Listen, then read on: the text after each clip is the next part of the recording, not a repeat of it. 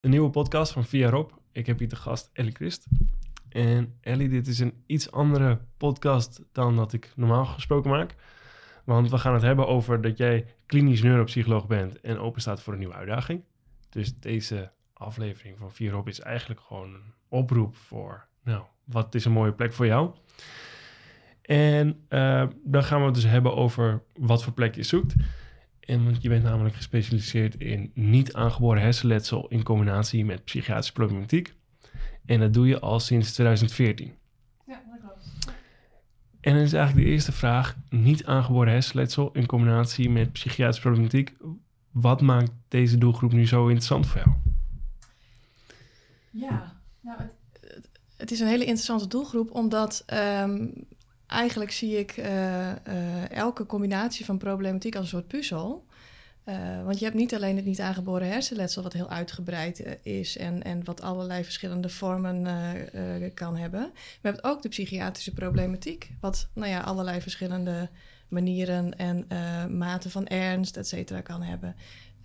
En soms lijken de dingen op elkaar of hebben ze overlap met elkaar. Uh, en het is super interessant om uit te zoeken wat is nou wat, uh, hoe uitzicht dat in, in iemand zijn gedrag en het allerbelangrijkst, hoe kan iemand daarmee geholpen worden? En dat klinkt dan wel als dat nog even een extra dimensie bovenop ehm, de, de generalistische GGZ is. Ja, zo zie ik het inderdaad, ja.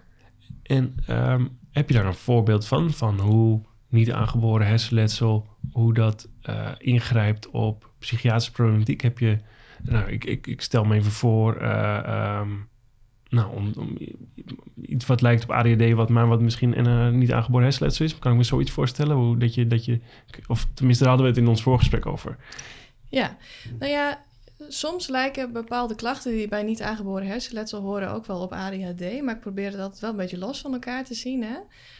Um, uh, iemand met niet aangeboren hersenletsel wordt in principe gezond geboren met een gezonde hersenontwikkeling. Um, en ergens in het leven uh, vindt er een, nou ja, een, een hersenbeschadiging plaats. En uh, dat kan van alles zijn. Dat kan bijvoorbeeld een hersentumor zijn, een, uh, een CVA of een traumatisch hersenletsel door een val of een klap of een verkeersongeluk, noem maar op. Um, en op dat moment verandert er iets in de hersenen bij iemand die voorheen gezonde hersenen had. En ja, dat kan zich op allerlei verschillende manieren uiten. Want dat ligt ook maar net aan. Wat is het hersenletsel? Hoe erg was het hersenletsel? Hoe lang duurde de, de fase waarin, waarin iemand heel ziek was? Uh, uh, maar ook waar, waar zat het precies in de hersenen? En wat natuurlijk ook een belangrijke rol speelt, is hoe functioneerde iemand ervoor? Want de hersenen op zich waren dan, zeg maar, gezond, maar misschien had iemand wel psychiatrische klachten. Of uh, speelde er iets uh, in de thuisomgeving. Of nou ja, noem maar op wat voor uh, sociaal-economische factoren meespelen. Dus dat alles maakt dat iemand na dat punt van die, dat, die hersenbeschadiging een ander leven leidt meestal.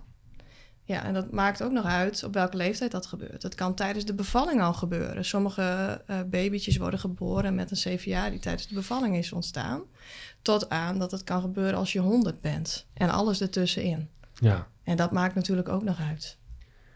Het, het klinkt als een, als een oneindige lijst aan variabelen waar je dan rekening mee kan houden. Ik zou, ik zou nooit nu aan jou op kunnen sommen wat voor verschillende combinatieproblematiek je allemaal kan zien. Want dan zitten we hier over een maand misschien nog. Ja, ja. ja. Um, maar dat maakt ook, denk ik, dat het niet altijd even duidelijk is dat mensen niet aangeboren hersenletsel hebben. Of tenminste dat er rekening mee wordt gehouden. Klopt. Dat is een heel belangrijk punt wat je aansnijdt. Bij sommige mensen uh, uh, die ik heb gezien, die komen uit een revalidatiecentrum letterlijk nadat ze een CVA hebben doorgemaakt en lopen nog vast, uh, hebben een depressie en willen graag daarvoor na verdere behandeling. Ja. Um, maar bij sommige mensen die komen op een bepaald punt in hun, hun leven. Ik heb wel eens een man getroffen die al in de 60 was. En die kwam in de, in de GGZ terecht met de vraag: Ja, ik heb zoveel problemen met andere mensen. Ik loop de hele tijd vast. Ik kan me totaal niet concentreren. Ik kan niet plannen. Ja, ik denk misschien heb ik wel iets van ADHD of iets anders. Of misschien word ik wel dement. En die man die bleek op zijn 25ste al een auto-ongeval te hebben gehad... waarbij hij keihard uh, met zijn hoofd uh, uh, nou ja, op het stuur was geknald... destijds niet nader onderzocht, maar zeer waarschijnlijk echt traumatisch hersenletsel opgelopen. En daar ja, levenslang mee rondgelopen. Altijd wel het gevoel, er is iets mis met mij. Mm hè, maar pas in de, in de 60 jaren, of, nou, in de, dat hij rond de 60 was of wat ouder, bijna met pensioen, dacht hij, ja, er klopt gewoon iets niet. Uh, en dat zie je vaker. Hè. Een ander voorbeeld is een, een jongen van 30, of een man moet ik eigenlijk zeggen, een man van 30, die uh, bijvoorbeeld rond zijn zesde, zevende een, een hersentumor krijgt. Hè, daarvoor geopereerd wordt, bestraling krijgt. nou, dan, dan loopt het eigenlijk allemaal wel weer gaat naar school, krijgt een relatie, gaat aan het werk. Maar wat we ook weten van hersenletsel, als het heel vroeg gebeurt, dat er een principe is van growing into deficit. Hè? Dus je hebt op je zesde bepaalde dingen nog niet nodig. Je hersenen zijn nog niet ontwikkeld. En vaak op het moment dat je ze nodig hebt, dat je hersenen voldoende ontwikkeld zijn, dan merk je pas, oh, dat lukt me eigenlijk helemaal niet. En dan kan het zijn dat je pas op je twintigste ontdekt, nou, ik kom eigenlijk helemaal niet mee met leeftijdsgenoten. Ja, en, Voor nou, iets wat op zijn vijfde is gebeurd. Ja, en dan niet altijd denken mensen van... goh, hé, hey, dat ligt aan dat die hersentumor. Mensen denken, nou, nou, er zou wel iets met me zijn, hè? Ik zou wel... Uh, misschien heb ik wel uh, een psychiatrische aandoening... of ben ik... Sommige, sommige mensen zeggen, ik ben dom. Ja. Of uh, ik ben niet sociaal vaardig. Of, of, wat mensen op een gegeven moment ook maar verzinnen. En tot ze dan ontdekken, maar wacht eens even... er mist eigenlijk gewoon een stuk hersenen... Ja. Wellicht is dat het probleem. Nou, en dan zeg ik ja, dat is ook het probleem. Ja. Ik kan me voorstellen dat het voor mensen ook echt heel fijn is om daar dan een verklaring voor te hebben. Ja. Eh, dus dat het, dat een eigen, hoe ze met, hun, met zichzelf praten ook beter kan worden. In plaats van, nou, ik ben heel erg dom, maar zich dan kunnen begrijpen, oh, ik, wacht eens even, ik heb, ik heb een handicap.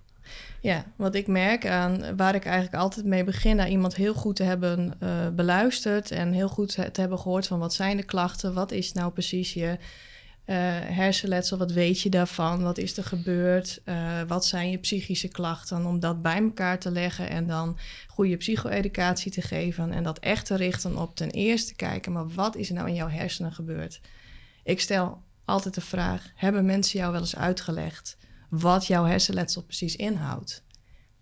80% van de gevallen krijg ik te horen, nou eigenlijk niet echt. Of ja, ik denk het wel, maar ik weet het niet precies. En om dan in heldere taal uit te leggen, wat is dat nou en hoe past het bij jouw klachten? Wat is nou het NAH? Wat is nou het psychiatriestuk? Hoe verhoudt zich dat tot elkaar? Soms heeft het een verband en soms ook niet. Hè? Je kan ook hebben dat de psychiatrie al voor het NAH aanwezig was. Dus het hoeft geen verband te hebben, maar het is er gewoon allebei. Uh, nou, en ook, nou ja, wat betekent dat nou? En ook, je bent niet dom, je bent niet gek die heeft gewoon echt een duidelijke dubbeldiagnose. En dat is ongelooflijk moeilijk en zwaar. En ik en mijn collega's willen je daar graag mee helpen. Ja. En hoe gaat het dan? Want uh, het voorbeeld van, uh, van de 60-jarige man. Uh, die, je zei van, nee, die, die, die heeft ook in de reguliere GGZ... heeft hij om hulp gevraagd. Uh, hoe ging dat traject dan? Hoe, hoe, kwam het dat ze hem daar niet konden helpen? natuurlijk omdat hij niet aangeboren hersenletsel hadden. Maar hoe, kun je iets vertellen over hoe dat dan gaat? Of eigenlijk is de vraag, achterliggende vraag misschien ook wel... Uh, hoe worden mensen op dit moment in de GGZ behandeld? En is dat wel goed genoeg? Ja, dat ligt natuurlijk um, heel erg aan... Uh, dat is denk ik heel casusspecifiek. Ik denk dat sommige mensen met NAH en psychiatrie best wel goed behandeld worden... Uh, maar wat, wat ook wel een bekend fenomeen is, is dat deze doelgroep vaak heel lang in de GGZ rondloopt. Uh, waarbij behandelaren uh, vastlopen, niet goed weten wat is er aan de hand.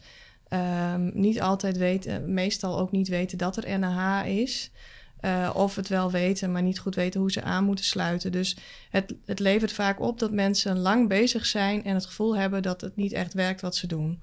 Uh, en cliënten ook het gevoel hebben van nou, ik, weet niet, maar ik voel me niet begrepen of het, past niet helemaal. Ehm, en in het geval van deze man werd het heel erg gezien als impulscontroleproblematiek en uh, ja, misschien wel zelfs persoonlijkheidsproblematiek. Terwijl toen ik hem zag, dacht ik, ja, dit past heel erg bij het traumatisch hersenletsel. Dit past heel erg bij dat hij daardoor wat ontremder is. En ja, die sturing heeft hij meer van buitenaf nodig. Hele duidelijke, concrete adviezen.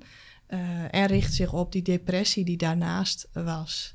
Die depressie werd niet eens goed gezien, omdat het zo duidelijk een hele explosieve man was. maar die zag ik onderliggend wel, omdat ik het wat uit kon pluizen. Ja. Toen kon hij ook voor die depressie behandeld worden. En nou ja, dat was eigenlijk zijn grootste probleem, terwijl je dat niet zo aan de voorkant zag. Ja. En dat uitpluizen is dan eh, heel belangrijk. Want als je al die variabelen hebt, dan moet je natuurlijk wel dat allemaal goed op een rij kunnen zetten. Uh, hoe ziet de diagnostiek voor deze doelgroep uit? Hoe, hoe doe je dat anders dan andere behandelaren? Hoe, uh, wat is je aanpak? Ja, nou, ik, ik denk dat Um, ik, ik, kan mezelf natuurlijk niet vergelijken met andere behandelaren, omdat ik niet weet hoe ieder andere het doet. Maar ik kan wel zeggen hoe ik het zelf doe. En dat is natuurlijk ook wel een heel uh, belangrijk uh, onderdeel van het vak van de klinisch neuropsycholoog. He, hele uitgebreide, soms ook wel compacte, maar uh, differentiaaldiagnostiek. En dat kan een intake zijn, en een goede uitgebreide intake. Maar dat kan ook inhouden dat er toch meer diagnostiek nodig is. Hè? Ik doe best wel veel persoonlijkheidsdiagnostiek. Um, ook vooral om te kijken, was er premorbide al persoonlijkheidsproblematiek aan de hand? Uh, dus nou ja, persoonlijkheidsonderzoek, maar ik doe ook wel veel neuropsychologisch onderzoek. Ook om te kijken of het NAH wellicht ervoor heeft gezorgd dat iemand bijvoorbeeld een geheugenstoornis heeft. en dan thuis wordt tegen hem gezegd: Nou, jij bewijs van je vergeet je hoofd nog eens. Hè? Maar onderliggend is er een, een, een geheugenstoornis aan de hand, waardoor iemand niet, uh, niet, niet in staat is om te onthouden. Dus het is niet dat iemand het niet wil, of dat iemand geen zin heeft. Maar iemand kan het gewoon niet. Ja. Dus, uh, en dat is lang niet bij iedereen. Hè? Ik ga niet bij iedereen een psychologisch onderzoek doen, maar in sommige gevallen is dat best wel, uh, best wel zinvol. Nou, ik schiet me nu even te binnen dat ik las toevallig gisteravond in het ZPM is de psychodiagnostiek een beetje een, uh, een heet hangijzer, maar dat daar nu wel een tegemoetkoming komt. Dat de psychodiagnostiek wel iets uh, betaalbaarder wordt, ook in het ZPM. Want voor de mensen die niet weten wat het betekent, ZPM, zorgprestatiemodel, hoe de zorg betaald wordt. Diagnostiek wordt over, wordt, werd wordt misschien nu nog slecht betaald. Maar wat je dus gisteren ontdekt hebt, is dat er weer meer ruimte gaat komen voor jou om de diagnostiek te mogen doen. Ja, onze collega uh, psycholoog, specialisten en GZ-psychologen hebben zich heel hard gemaakt bij eigenlijk met z'n allen. En uh, een soort brandbrief is er gestuurd. Ik begreep dat dat zich nu al uit lijkt te pakken voor komend jaar. Dat toch ook psychodiagnostiek wel uh, wat nou ja, wat, wat gunstiger wordt. En ja, dat is brood nodig, helemaal voor deze doelgroep. Ja. Hè, als ik um, iemand tegenover me heb zitten en na een eh, intake, hè, ik doe vaak wel wat een uitgebreide intake, omdat het zoveel is. En voor mensen is het ook veel. Hè? Mensen met NH kunnen vaak niet heel lang, of, uh, dus dat moet wel een beetje opgeknipt worden. En maar als ik het dan niet goed weet, uh, dan wil ik wel de kans krijgen om het nader te onderzoeken. Ik vind dat we dat aan ons stand verplicht zijn, dat deze mensen die soms al zo lang rondlopen, dat er nu echt eens wordt gekeken. Ja, maar wat is er nou precies aan de hand? Ja. Um, en ik vind dus, ik was heel blij om te lezen dat dat ook weer wat betaalbaarder wordt. Hè? Dat dat niet nou ja, weggeschoven wordt. Ja, dat je ook niet. Want dat is, lijkt me dan wel heel belangrijk. Want dit is dus een voorwaarde eigenlijk wel om je werk goed te kunnen doen. Ja, dat klopt. Ja. En hoe, hoe, want hoe, hoe doe je dat op dit moment dan? In het huidige model? Uh, ook. Uh, um, en ik denk dat heel veel van mijn collega's het, dat ook nog doen. Uh, en dan proberen met wat kunst en vliegwerk het product zo kort mogelijk te maken. Uh, uh, misschien ook te werken met uh, collega's die wel expertise hebben, maar niet binnen het ZPM iets van een registratiefunctie hebben. ja, en, je gaat dan toch weer wat meer gestandaardiseerd proberen te werken, terwijl je eigenlijk psychodiagnostiek heel op maat wil maken. Ja. Ik, hè? Dus Ehm, dus, dus ik doe het nog wel. Maar, maar we deden eh, meestal neuropsychologisch onderzoek dan drie uur. Nou, dat is dan nu twee uur geworden, want dat was dan eh, binnen de norm. Ja. en wat meer met, met, met wat standaard dingen. ja, dingen, standaard stukjes tekst, scores, et cetera. maar ik ben het wel blijven doen, want ik vind het heel belangrijk. Ja, ja. Oh, mooi, dat je, mooi dat je daar dan wel de ruimte in blijft, blijft zoeken. En, mooi dat die ruimte er ook weer meer gaat komen dan. Ja. Um, want wat ik ook wel nog goed vind om te bevragen is... Hoe, hoe worden deze mensen... Is er nu een plek waar mensen met niet aangeboren hersenletsel... in combinatie met psychiatrische problematiek geholpen worden?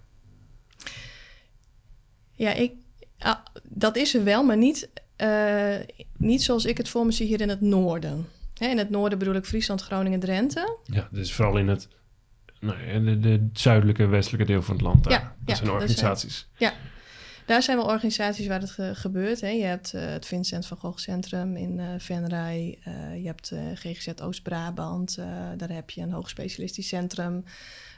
je hebt bij Julius, dat is in Dordrecht, heb je wel neuropsychiatrie. En in Enschede bij Mediant dus je hebt wel verschillende organisaties waar een vorm van uh, neuropsychiatrische zorg, zeg maar dan polyklinisch, hè, want daar heb ik het nu vooral over.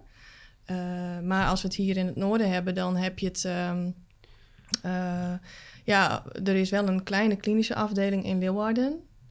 en verder is er eigenlijk geen polyklinische zorg. En ik noemde een aantal voorbeelden, maar er zijn veel meer afdelingen in het zuiden en, en in de randstad van Nederland. Ja, want er zijn wel in het noorden wel organisaties waar mensen vanaf, nou, als ze recent een hersentrauma hebben gehad, behandeld worden. Maar hoe dat zit met de casus waar je noemt iemand die is op zijn vijfde uh, geopereerd, uh, bestaling gehad op de hersenen. Dat ontwikkelt zich pas op de, of laat zich pas zien op de twintigste. Voor die mensen is er dus niet een, een plek die daarop gespecialiseerd is. Nee, dat, dat, dat, uh, dat klopt. En uh, het, het, ook de mensen die uitstromen vanuit het revalidatiecentrum in, in het noorden, die dan toch nog een psychiatrische klacht hebben of een verdenking op een, bijvoorbeeld een, een DSM-classificatie, die, die, die uitstroom is ook heel moeilijk. Dus daar, daar is ook niet een, niet een plek voor op dit moment. Nee. En nou, op, op dit moment werk je nog wel met, eh, met deze doelgroep in Friesland. Um, hoe komen deze mensen uiteindelijk bij jou terecht op dit moment? Um, dat is met name omdat mensen die met NAH werken, best wel, dat is, dat is een klein netwerk. Dus dat is wel wat ons kent ons. Mensen die weten mij te vinden in die zin. Um, en verder uh, uh, denk ik dat het voor huisartsen best nog wel eens onduidelijk is van waar moeten deze mensen heen.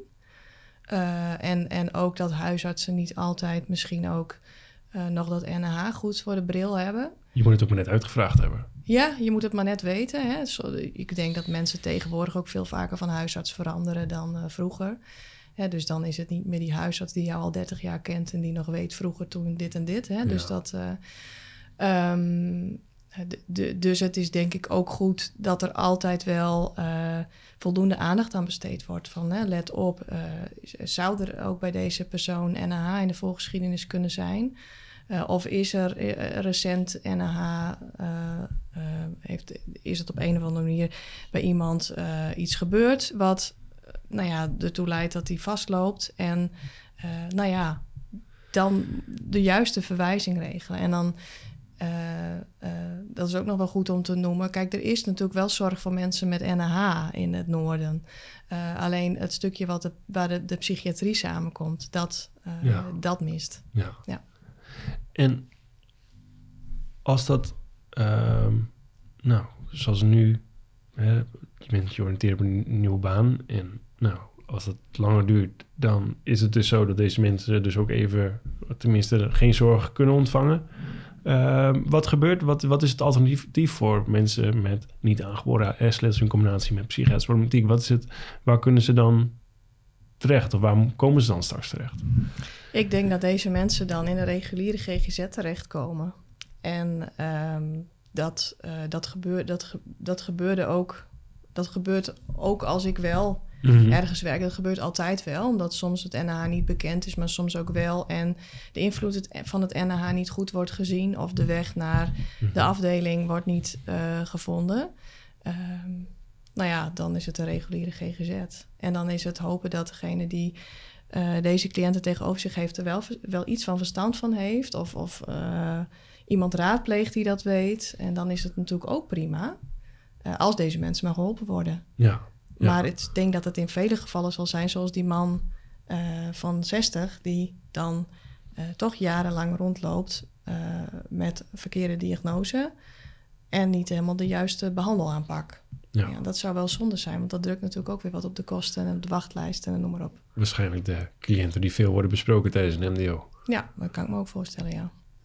En ehm het is misschien wel ook een mooie kans om voor allerlei collega-behandelaren... dat als ze een vermoeden hebben van NH... wat is dan... Nou, wat is misschien een... Laten we beginnen met een veelgemaakte fout. Wat, wat is... eh, en heb je daar dan misschien een advies in? Ja, ik, dat vind ik ook lastig hoor, een veelgemaakte fout. Want ik, ik werk natuurlijk niet met die mensen samen, dus ik heb ze niet aan het werk gezien. Ehm, ik denk wel, hè, als, ik, als ik het dan een beetje inschat of mm, zo voor me zie. eh, eh, want in principe, eh, nou, stel je voor, je, je, ziet iemand met een, eh, met een angststoornis, hè, paniekstoornis. En je gaat nou, cognitieve gedragstherapie bieden, want dat is de eerste keus. Dat kan ook wel, maar wel aangepast. En aangepast op het tempo, op de hoeveelheid informatie, op de instructies voor wat iemand moet gaan doen. Maar ook rekening houden met dat paniek en NH qua klachten best wel op elkaar lijkt. Dus nou ja, bij paniek zou je zeggen, eh, nou, niet altijd te veel naar luisteren. Probeer hè, de, de paniek te leren verdragen en probeer dingen te gaan doen, ook al voel je die paniek. Maar bij NH wil je adviseren, eh, doe oké, als je die klachten voelt opkomen, doe dan even rustig aan, want je moet niet eh, overvraagd worden, want dan zit je morgen en overmorgen met knallende koppijn en dan kan je niks meer. Dat zijn twee verschillende tegenstrijdige adviezen. Wat nou als je en hersenletsel hebt en een paniekstoornis? Dan kan ik me voorstellen dat het heel lastig is voor een behandelaar die, die, die geen of weinig NH-kennis heeft om dat goed fijn te tunen. En dat je dus iemand misschien toch te veel gaat overvragen aan de ene kant. En dus heel veel NH-klachten laat ervaren die misschien niet per se nodig zijn. Of anderzijds juist eh, of eh, ondervraagt en dat de paniek te lang in stand blijft. Ja. Ik denk die puzzel en uitzoeken wat is wat en hoe ga je daarmee om. Ja, dat dat een hele lastige zal zijn in een re- reguliere GGZ. Dus dat is echt in, in zo'n casus echt de balans zoeken dus. Ja, En wat ik ook wel belangrijk vind, of denk te horen, is je zegt koppijn. Dus Ja. als iemand overvraagd wordt, dat het dan koppijn ontstaat. ja. Dat is dus een indicator, zou een indicator kunnen zijn van, ehm, van NH. Ja, dat is een lastige, want hoofdpijn komt bij ontzettend veel verschillende diagnoses voor. Dus, dus het is, ik, denk- want dan weet ik niet dat de luisteraar denkt, oh ik heb hoofdpijn, oh jee, hè, nu heb ik NH. Eh, wat wel zo is, als je weet dat iemand NH heeft en heeft veel hoofdpijn, dan, dan zou ik wel zeggen, dan, dan is het echt tijd om een stapje terug te doen. Ja. Dus Ja. het is veel te makkelijk voor mij. Ik ben natuurlijk ook de, de leek, de, nog nooit een behandeling gedaan. Eh, dus dat is veel te makkelijk gedacht. Eh, Maar ik snap je bewegen, of eh, ik, sn- ik snap wel hoe je de oorzaak-gevolg probeert te zien. Maar hoofdpijn is ons ontzettend eh, ook weer heel complex. Hè, maar eh, ik denk als je echt helemaal vastloopt en eh, het gevoel hebt dat je langzamer bent dan de wereld. En je bent moe en je hebt hoofdpijn. En je bent ooit een keer van een klimrek gevallen of zo. Ja, dan ja. zou ik denken, nou misschien moet je dus...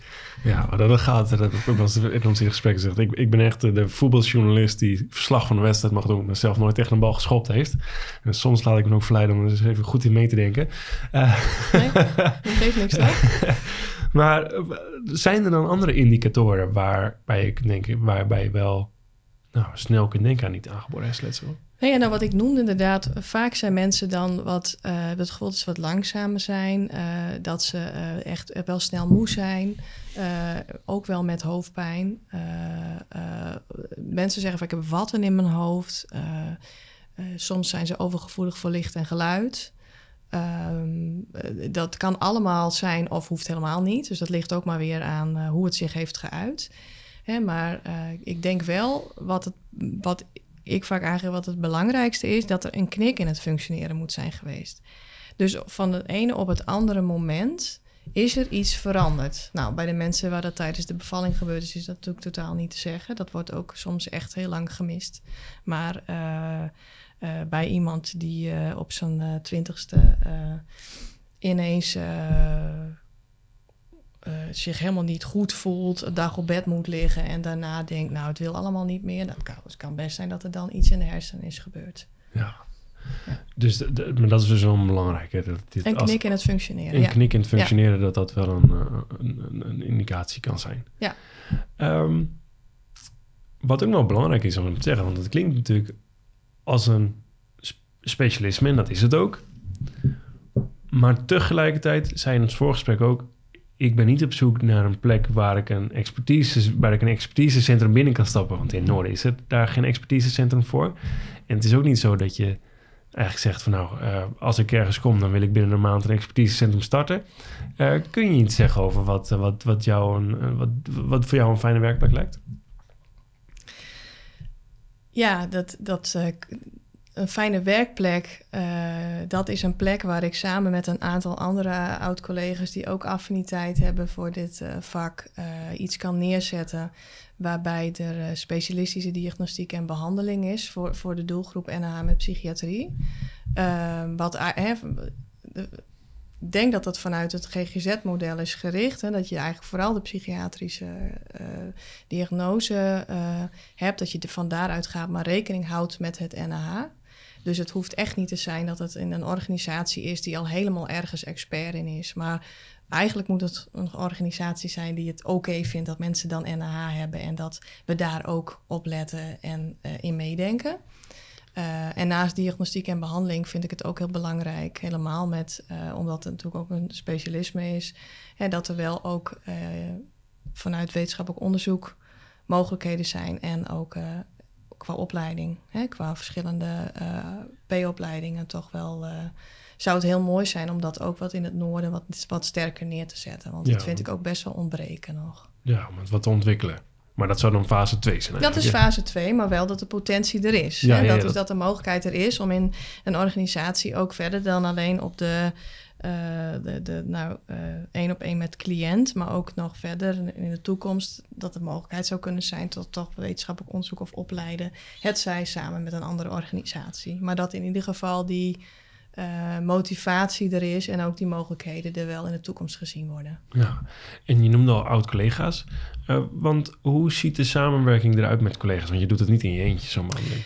Nee, je doet het absoluut niet in je eentje. Ik vind juist uh, bij zo'n complexe doelgroep het heel belangrijk dat je dat multidisciplinair doet. Hè? Dus uh, vaak uh, tot nu toe, hoe, ik het heb gedaan, is wel hè, dat ik het stukje van de diagnostiek vooral uh, doe en het, of het stukje regiebehandelaarschap, hè, de lijnen uitzet.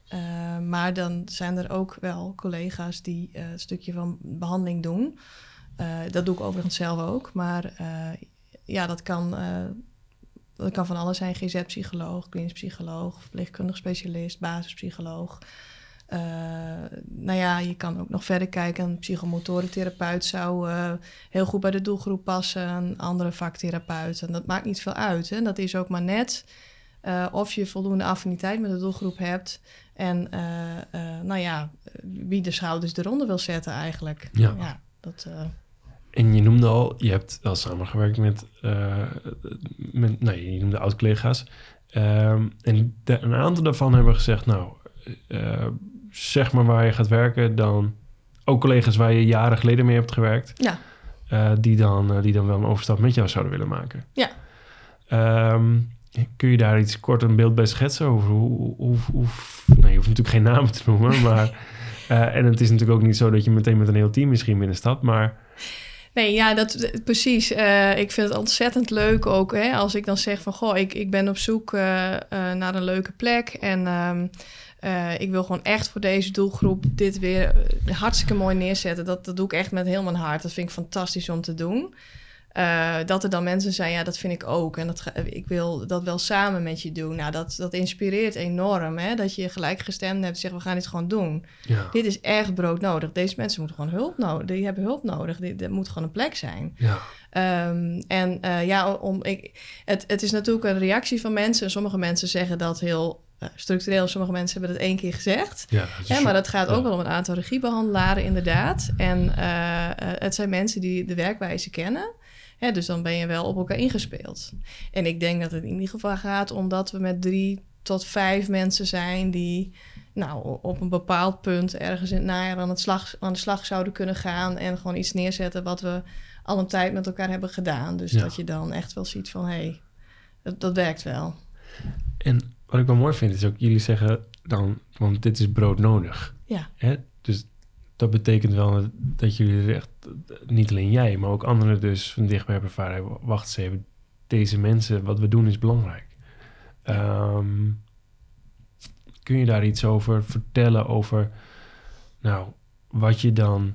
Nee, eh, eigenlijk is de vraag, waar zit hem dat dan in, dat het zo broodnodig is? Wat zien jullie dan? Wat, aan- aan- Nou, ehm, laten we eens naar de cliënt kijken. De, de cliënt die dan bij ons zit en eh, ook in, in de intakefase en, en eh, eh, bij het stuk psycho-educatie eigenlijk aangeeft van nou, ik voel me zo gehoord.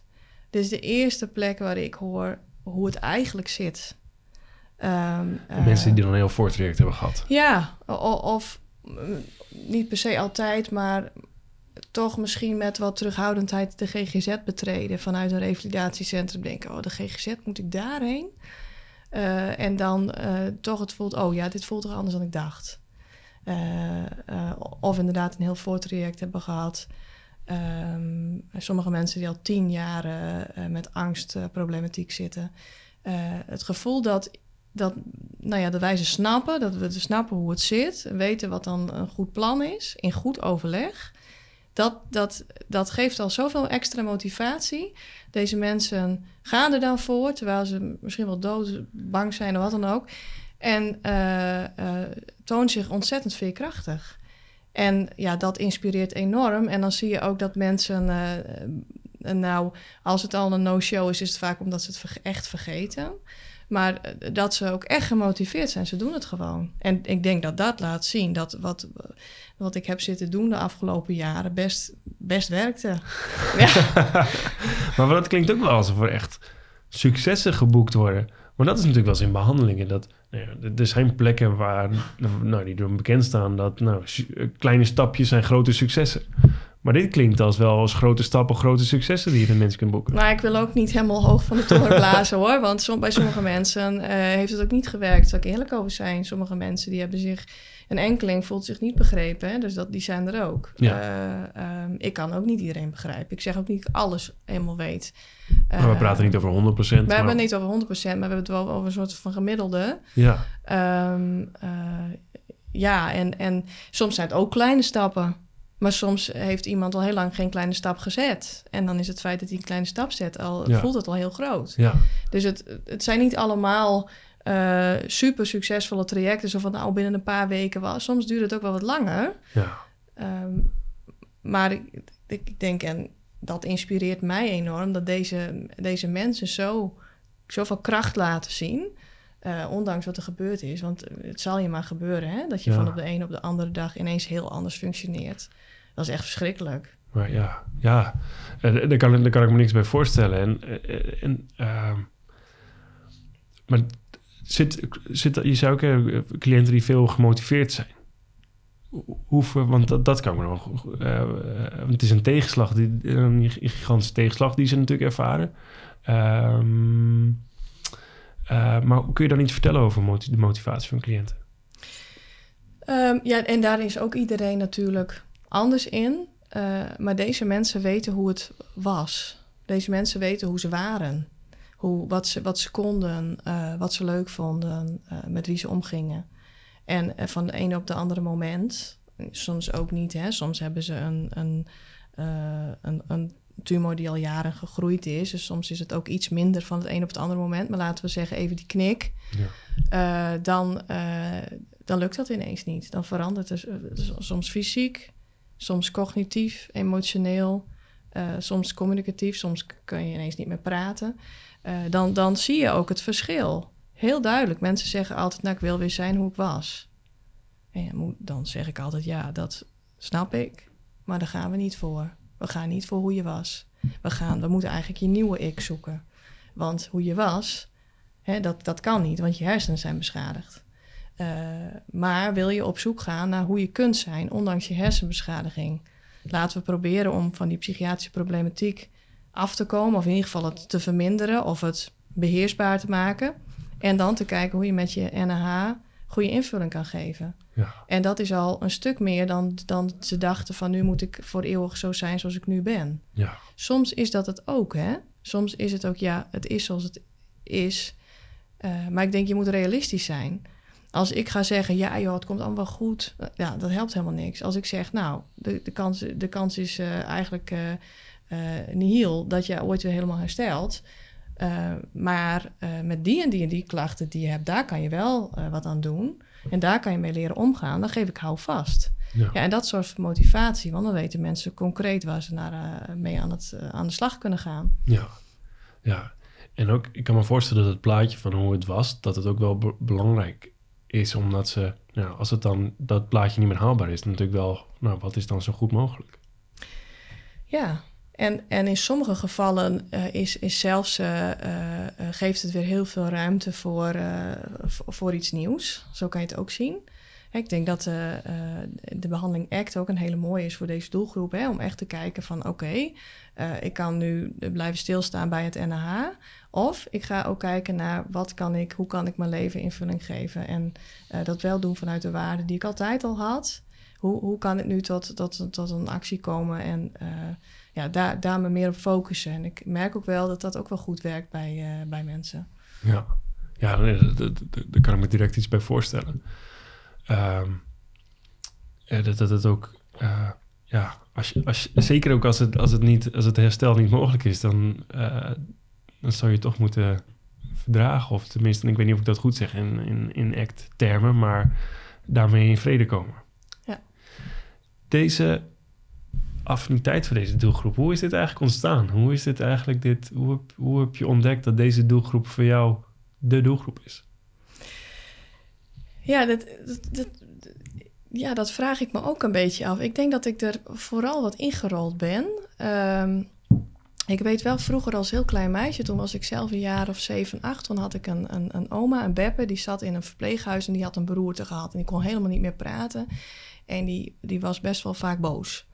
En ik snapte dat niet goed, maar ik was er dan, dan zou je misschien denken dat je er bang voor was, maar ik was er meer, ja, ik vond het, ik vond het eigenlijk wel interessant bijna. ik vond het ook wel sneu hoor. Ik vond het ook lastig, maar ik vond het ook wel dat ik, dat ik eh, ergens achteraf, als ik denk, misschien wel wilde weten hoe, hoe, hoe komt dat nou? Wat gebeurt er nou in haar hoofd? Wat, zit, wat, wat, wat, wat is dat? En uh, ik had echt geen idee wat ik wilde doen qua studie. En toen ben ik maar wat in de psychologie gerold. Totdat ik ontdekte dat er neuropsychologie bestond. En dacht, ja, dat is het. En zo, nou, ben ik had je toen meteen je, je bep in, je hoofd? Wat zei je? Had je toen meteen je beppen in je hoofd? Ja, die kwam wel steeds weer terug. Die, die kwam de, uh, in mijn loopbaan komt die ook steeds weer terug. Van uh, dat, dat ik echt wel achteraf heb gedacht van... oh, er was misschien nog zoveel meer uit haar te halen. Of, of, of, veel meer hoe we hadden kunnen leren met haar om te gaan. Ik denk dat we het hartstikke goed hebben gedaan. Um, maar dat komt er steeds terug, ja. Um, en uh, dat, nou ja, ik ontdekte gewoon dat als ik iemand met NH uh, eh, zag, dat dat gewoon iets in me losmaakte. Ik dacht, ja, nou, daar, daar wil ik gewoon voor, daar moet ik voor strijden. Ik zit hier ook om, ik zit hier ook te strijden eigenlijk, omdat ik vind dat er iets moet komen, dat er iets moet zijn, een plek waar mensen zich gesteund voelen. Want voor alle duidelijkheid, uh, het is niet dat er te weinig vacatures zijn voor klinisch neuropsychologen. Je zou je zo bij een, ziekenhuis kunnen melden en, uh, of een oudere zorg, oudere psychiatrieinstelling ze uh, verwelkomen je met open armen. Maar het gaat je echt aan het hart dat je graag met deze doelgroep wil werken. Ja, dat heb ik ook wel gemerkt in, de, in mijn afgelopen oriëntatie. Van, ik heb ook wel breder geprobeerd te kijken van, goh, wat wil ik nou? Maar als ik mijn hart echt volg, dan denk ik, dan, dan wil ik dit. Ik wil deze mensen helpen. Deze combinatieproblematiek. En ik heb ook gemerkt dat ik daar heel blij van word. Ja, ik word niet blij dat deze mensen dit hebben, maar ik word blij dat ik ze kan helpen. Dat ik uh, eigenlijk uh, niet met tegenzin aan mijn werk ga. Dat ik het echt fijn vind om dit, uh, om dit te doen zo. Ja. Dus ja, dat, dus dat eigenlijk zou je kunnen zeggen dat ik mijn roeping heb gevonden. En nu moet iemand mij nog vinden om ja, dat tot uiting te waar, brengen. Waar, je dit, waar dit gefaciliteerd eigenlijk kan worden. Ja. Um, en dan zijn er wel wat gesprekken geweest, ook bij plekken waar echt specifiek de, de, de focus lag op uh, deze doelgroep. Um, kun je iets vertellen waar het op bij die organisatie op vastgelopen is? Waarom dat uiteindelijk niet doorging?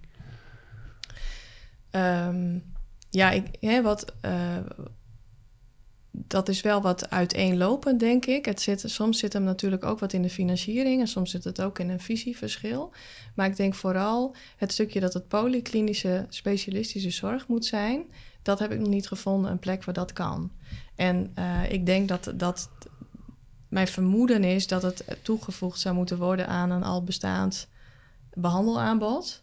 Uh, uh, en niet dat het uh, het, het, is er nog niet. En we hebben geprobeerd om te kijken waar, hè, of het op bepaalde plekken toegevoegd kon worden, maar dat was niet haalbaar. Hè. Dat zat hem echt wel in, in een stukje uh, hoe het nu georganiseerd was binnen die organisaties. Daar paste dat niet in. Ja. Uh, dat is gewoon echt een andere werkwijze, een andere visie en soms dus ook een andere financiering. Ja, dus het moet echt passen bij de huidige organisatie ook. Ja. Dat het in het verlengde ligt. Ja. Want ik stel maar dan een generalistische poli voor waar dit als extra team als aandachtsgebied kan zijn. Precies, ik ook.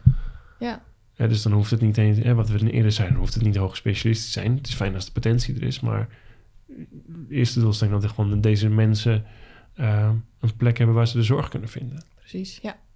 Ja, ja en, je, en, en verder dan dat, hè, dat deze mensen daar terecht kunnen, dan heb je natuurlijk ook, uh, uh, en dan kan je ook naar andere organisaties uh, natuurlijk een soort expertise bieden, hè, advies, meedenken, soms eens een casus oppakken, klinische les, noem maar op. Hè. Dus je kan ook wel echt aan deskundigheidsbevordering in en buiten die organisatie doen. Ja. Dus als je het over financiering hebt, dan heb je daar ook nog een stuk, ja, eigenlijk een stukje dienstverlening wat je extra hebt. Ja, en, maar dat is ook echt, dat draagt ook weer bij wat ik volgens mij, je volgens mij ook graag wil doen. En gewoon in het noorden ook wel de, de bewustzijn voor deze doelgroep creëren. Hè? En, en, en uh, laten zien dat deze doelgroep bestaat. Ik denk dat het, dat klopt. Ik denk dat uh, uh, de bewustzijn dat er NAH is wel steeds duidelijker wordt. Maar dat stukje hoe, hoeveel mensen met NAH ook echt psychiatrische klachten hebben dat dat echt wel wat, wat onderschat wordt. En hoeveel mensen na een CVA depressieve klachten houden, dat is, dat is bijna 90 procent. Uh, hoeveel mensen bijvoorbeeld een, een, een, traumatische ervaring hebben door het NH. Je zal maar ineens wakker worden in een ziekenhuis, totaal niet weten wat er aan de hand is, allemaal slangetjes om je heen, in een ambulance vervoerd worden terwijl je denkt dat je doodgaat, of aangereden worden met je fiets van het een op het andere moment. En uh, nou ja, en, en je wordt uh, twee maanden later wakker en uh, nou, je hebt je hele hersenen op vijf manieren beschadigd, zeg maar. Ja. dat zijn natuurlijk ontzettend traumatische ervaringen. Ja. je kan je voorstellen dat er een enorme groep is die door, voor en na het NH psychiatrie ontwikkelt.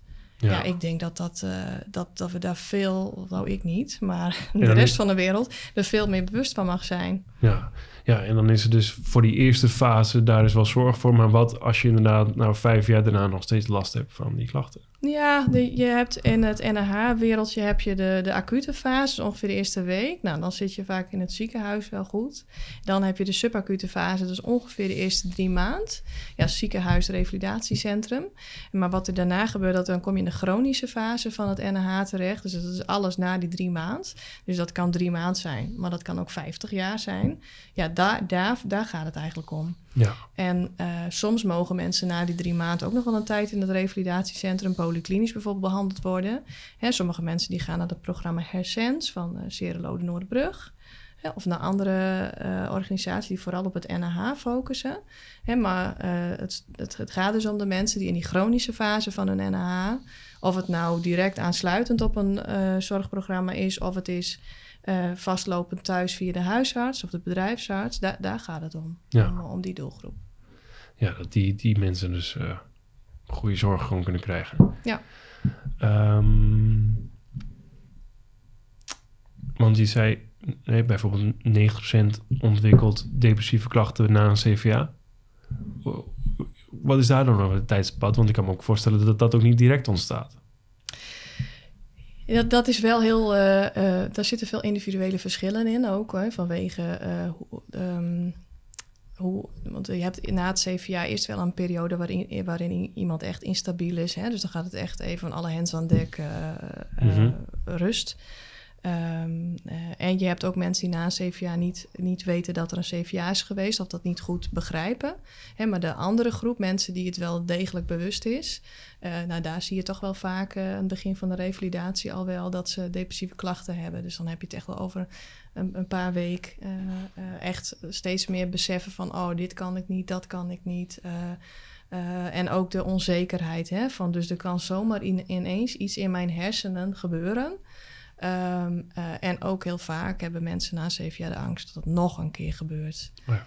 Hè, dus dat is ook een, eh, een, een bekende, eh, nou ja, bekende aandoening. Hè? Angst voor recidief noemen we dat. Dat mensen denken van, nou ja, dat is ook zo. Je hebt een verhoogde kans op nog een CVA. Als je goede medicijnen krijgt, valt het vaak wel wat mee. Maar mensen hebben dat toch vaak wel. Van, Ja. oh, wat nou als het weer gebeurt. Ja, Ja, dat heb je bijvoorbeeld bij epilepsie ook. Hè? Angst voor een nieuwe aanval. Eh, eh, ja, als ik nu de deur uitga en eh, er is een trigger, straks heb ik dan weer een aanval, straks vind, vinden mensen me niet. Ja, dus dat zijn echt wel aandoeningen waar het ook heel logisch is dat je bijvoorbeeld veel angst of depressieve klachten hebt. ja. En een andere vraag die me er binnen schiet is traumabehandelingen. Eh EMDR is natuurlijk, wordt veel ingezet. Ik kan me voorstellen dat het met mensen bij NH niet altijd verstandig is. Nou ja, nee, dat, daar noem je wel iets wat ik heel belangrijk vind. Traumabehandeling bij mensen met NH en psychiatrie. Want eh, nou, het is gewoon vaak nodig. Eh, we weten er nog niet superveel van. Er is wel wat onderzoek gedaan naar EMDR bij mensen met, met NH. Op zich werkt dat wel. Het, het is op zich wel een werkzame behandeling. Maar dat, eigenlijk zou het mooi zijn als er nog veel meer onderzoek kwam. Eh, daarom ook natuurlijk mijn ambitie. Uh, maar dat blijft een lastige doelgroep om te onderzoeken, omdat het uh, zo'n ontzettende heterogene doelgroep is. Geen enkel NAH is hetzelfde. En dan heb je die psychiatrie er ook nog bij. Dus dat is zo divers ja. dat het heel moeilijk vergelijken is. Uh, maar het zou heel mooi zijn om te kijken wat voor vormen van traumabehandeling passen. Hè? Want je hebt ook de imaginaire exposure, de narratieve exposure therapie, imaginaire rescripting. Al die vormen zou ik wel het moeite waard vinden om nader te onderzoeken. In ieder geval heb ik zelf wel ervaring met de imaginaire exposure. En ook mijn collega's wel met de EMDR en ook wel soms de NET bij mensen met NH. Ja, precies. Dus dat hangt weer enorm van, van, van de situatie af. Ja, het is ook, het is ook het is altijd pionieren. Dus je kijkt. nou ja, het is wat best practice. Je kijkt van waarvan je denkt dat op basis van de psychiatrische problematiek rekening houden met het NH, wat de best passende behandeling is. En die probeer je uit, maar je evalueert heel snel om te kijken, werkt het wel? Je houdt heel erg in de gaten hoe dat gaat, hoe iemand zich voelt, hoe gaat het daarna. Uh, loopt het goed, dan ga je door. Dan kijk je of de klachten verminderen. En in, in best wel veel gevallen gaat het hartstikke prima. Dus het is ook echt wel, wel weer balanceren. Ja, het is, het is altijd balanceren, maar het is dus ook durven. je moet ook durven. Als jij niet durft, dan durft de cliënt ook niet. En dat heeft denk ik ook met zelfvertrouwen te maken. Ja, maar ook wel met kennis en kunde. Kijk, je doet het wel overwogen. Het is niet dat ik denk van nou, ik durf ik doe maar wat. Je denkt er gewoon heel goed over na en je hebt ervaring mee. En dan denk je nou, dit, dit, dit, dit komt wel goed. Hè? En ik denk als je uh, daar wat minder zeker van bent... dan gaat een cliënt denk ik ook niet zo makkelijk aan. Nee. Nee. Omdat er voor de cliënt ook wel wat nodig is om, om het aan te gaan. Jazeker. Ja. Wat is nou casuïstiek waar, waar je hart een sprongetje van maakt? Als je denkt, nou, als je, als je dat in, uh, in, in de behandelkamer hebt, dat je denkt, oh, hier word ik enthousiast van. Nou, ja. Je bent al enthousiast over alles, maar wat is nou hetgene waarvan je denkt, waar je echt, echt blij van wordt? Ik, ik vind het heel lastig om daar een onderscheid in te maken. Wat ik Uh, want eigenlijk merk ik dat iedere cliënt met NH en psychiatrische klachten, dat ik daar blij van word. Ik, ik heb eigenlijk niet dat ik denk, oh, wat lastig. Of ja, ik denk soms al wat lastig, maar dan denk ik, ja, yes, het is lastig. Gaan we uitzoeken. Um, we hadden het al over traumabehandeling. Wat ik wel, wat ik wel uh, heel interessant vind, is het stukje persoonlijkheidsproblematiek bij mensen met NH. En met name wat de premorbide al was, hè, dus voordat het NH ontstond. Uh, ik merk dat ik daar altijd wel enthousiast van word om echt die persoonlijkheid ook uit te pluizen en die dan in verband met het NH te zien. En ik, ik zou echt heel, uh, heel graag ook daar meer in de behandeling willen doen. Ik zou graag mensen om me heen willen hebben die bijvoorbeeld heel bedreven zijn binnen de schematherapie, om ook dat bij deze doelgroep uit te proberen. Daar, daar word ik heel blij van, van het idee om dat te gaan uh, uitproberen. En dat idee dan, schematherapie bij deze groep mensen, wat, wat, wat is hetgene wat, wat het interessant maakt? Wat, wat maakt je nieuwsgierig daarnaar? Ik vind het een hele mooie behandelmethode. Uh, uh, um, en waarom? Uh, omdat, het zo divers is, omdat het zoveel verschillende facetten heeft, omdat het er echt uh, uh, een stuk diepgang kent en ja, het spreekt, mij, spreekt mij gewoon aan. En ik denk dat het eigenlijk, ik, ik ken het nog niet echt dat het bij, de, bij mensen met NH geprobeerd is. En ik denk dat het heel mooi is om het wellicht iets in versimpelde vorm, iets meer visualisatie erbij om het uh, bij deze doelgroep uit te proberen. Maar daar heb ik ook anderen voor nodig. Mensen die daar dan weer meer bedreven in zijn. Ja. Uh, dus dat zou ik echt uh, heel, heel... Nou, dat, dat, dat, idee maakt mij heel blij. Omdat ik zie het hier, ja. ja. um, en wat ik ook belangrijk vind, is het stukje wat... Hè, wat nu ook veel meer in opkomst is binnen de psychiatrie... dat slaapstoornissen ook een hele belangrijke rol spelen. Hè, bij heel veel psychiatrische aandoeningen. Soms ook bij het instand houden ervan. En dat is bij NH niet anders. Hè. Juist weten we dat NH ook de slaap wat kan verstoren zelfs. Um, het slaapritme of het moeite met inslapen. Dus hè, ook om daarom veel meer uh, aandacht voor te hebben. En omdat het een hele mooie praktische uh, behandeling, de CGT-insomnie, heeft. Hè, dus dan mensen die moeten echt zelf met slaapdagboeken werken en dan krijgen ze hele praktische adviezen hoe ze dat kunnen aanpassen. Ik denk dat dat ook heel mooi aansluit bij de doelgroep. Ja. dus die pijlers, die, uh, die trauma, persoonlijkheid en, en slaap. Nou, ik word heel blij als ik denk dat daar wil ik echt de schouders onder zetten om gewoon iets, iets moois neer te zetten. Ja. ja. En, en nog even wat persoonlijkheid. Wat maakt dat persoonlijkheidsproblematiek dat je dat interessant vindt in combinatie met NA? Uh, ja, ik vind persoonlijkheidsproblematiek sowieso wel interessant. Ik vind het interessant dat er allemaal verschillende type mensen op de wereld zijn die op een, op, een bepaalde manier ontwikkeld zijn en soms een beetje scheefgroei hebben gehad en hoe ze zich uh, verhouden tot andere mensen. Uh, dus dat, dat vind ik sowieso interessant. ik vind het ook fijn om die mensen te helpen, omdat, omdat ze altijd merken dat ze in contact met anderen vastlopen en, en uh, uh, ook veel onbegrip ervaren. Dus eigenlijk is het weer dat onbegrip wat mensen hebben. dat ik denk, ja, dan heb je dus onbegrip door je persoonlijkheidsproblematiek. En dan heb je ook nog onbegrip door je NH. Nou, dat vind ik echt best wel. dat is een mooie cocktail. Dat is een mooie cocktail waarvan ik denk, nou, je, zal, je zal daar dan je leven mee moeten vormgeven. Ja. dus daar, wil ik, daar wil ik mensen graag mee helpen. Ja, oh, mooi. Um, en uh, ik kan me voorstellen dat die psycho-educatie daar ook weer zo belangrijk bij is. Ja. Mensen weten wat, wat ze hebben. Uh, we naderen het einde van het interview. Um, zijn er dingen die je nog gezegd wil hebben, die ik ben vergeten te vragen, die we niet genoemd hebben? Um, nou ja, nee, volgens mij zijn we wel heel, uh, heel uitgebreid geweest. Ik denk wat, wat uh, een woord wat in me opkomt is gelijkwaardigheid. Ik denk wat, wat ik heel belangrijk vind en wat uh, denk ik ook een hele grote kans van slagen geeft, is dat je binnen een organisatie als collega's je gelijkwaardig voelt, uh, wat voor functie je ook hebt, maar ook tussen cliënt en behandelaar. Je hebt natuurlijk wel een bepaalde rol ten opzichte van elkaar, een bepaalde positie, maar ik denk juist het gelijkwaardig communiceren, dus het feit dat het niet een ik ben de specialist, dus ik bepaal. Maar het is, uh, hey, zo zit het denk ik. Denk je ook dat dat klopt? Mis ik nog iets? Uh, ik heb een plan, wat vind je ervan? Past het bij jouw eh, hulp vraagt, past het bij hoe jij het voor je zag? En zo niet, hoe zullen we het dan doen? Dat is denk ik, eh, dat, dat ligt mij het beste, de cliënt denk ik ook. En ik denk eh, dat we er allemaal wel wat meer naartoe mogen. Dat we gewoon echt in gelijkwaardigheid met elkaar communiceren. Dus Ja. dat, dat, dat, dat wou ik nog eraan toevoegen, dat ik dat echt, eh, nou, dat, dat je, ik dat heel belangrijk dat je daar vind. groot voorstander van Ja. bent. Ja. En eh, ik geloof dat je dat met collega's ook wel shared decision making noemt. Ja. Of Ja, dat klopt. Ik vind ook dat, dat eh, eh, mensen zich niet eh, altijd moeten laten ontmoedigen door... oh, ik moet met een klinisch neuropsycholoog of een klinisch psycholoog werken... en ik ben maar wat dan ook, eh, dus dan zeg ik maar ja en amen. Nee, zeg alsjeblieft, geef feedback, denk mee...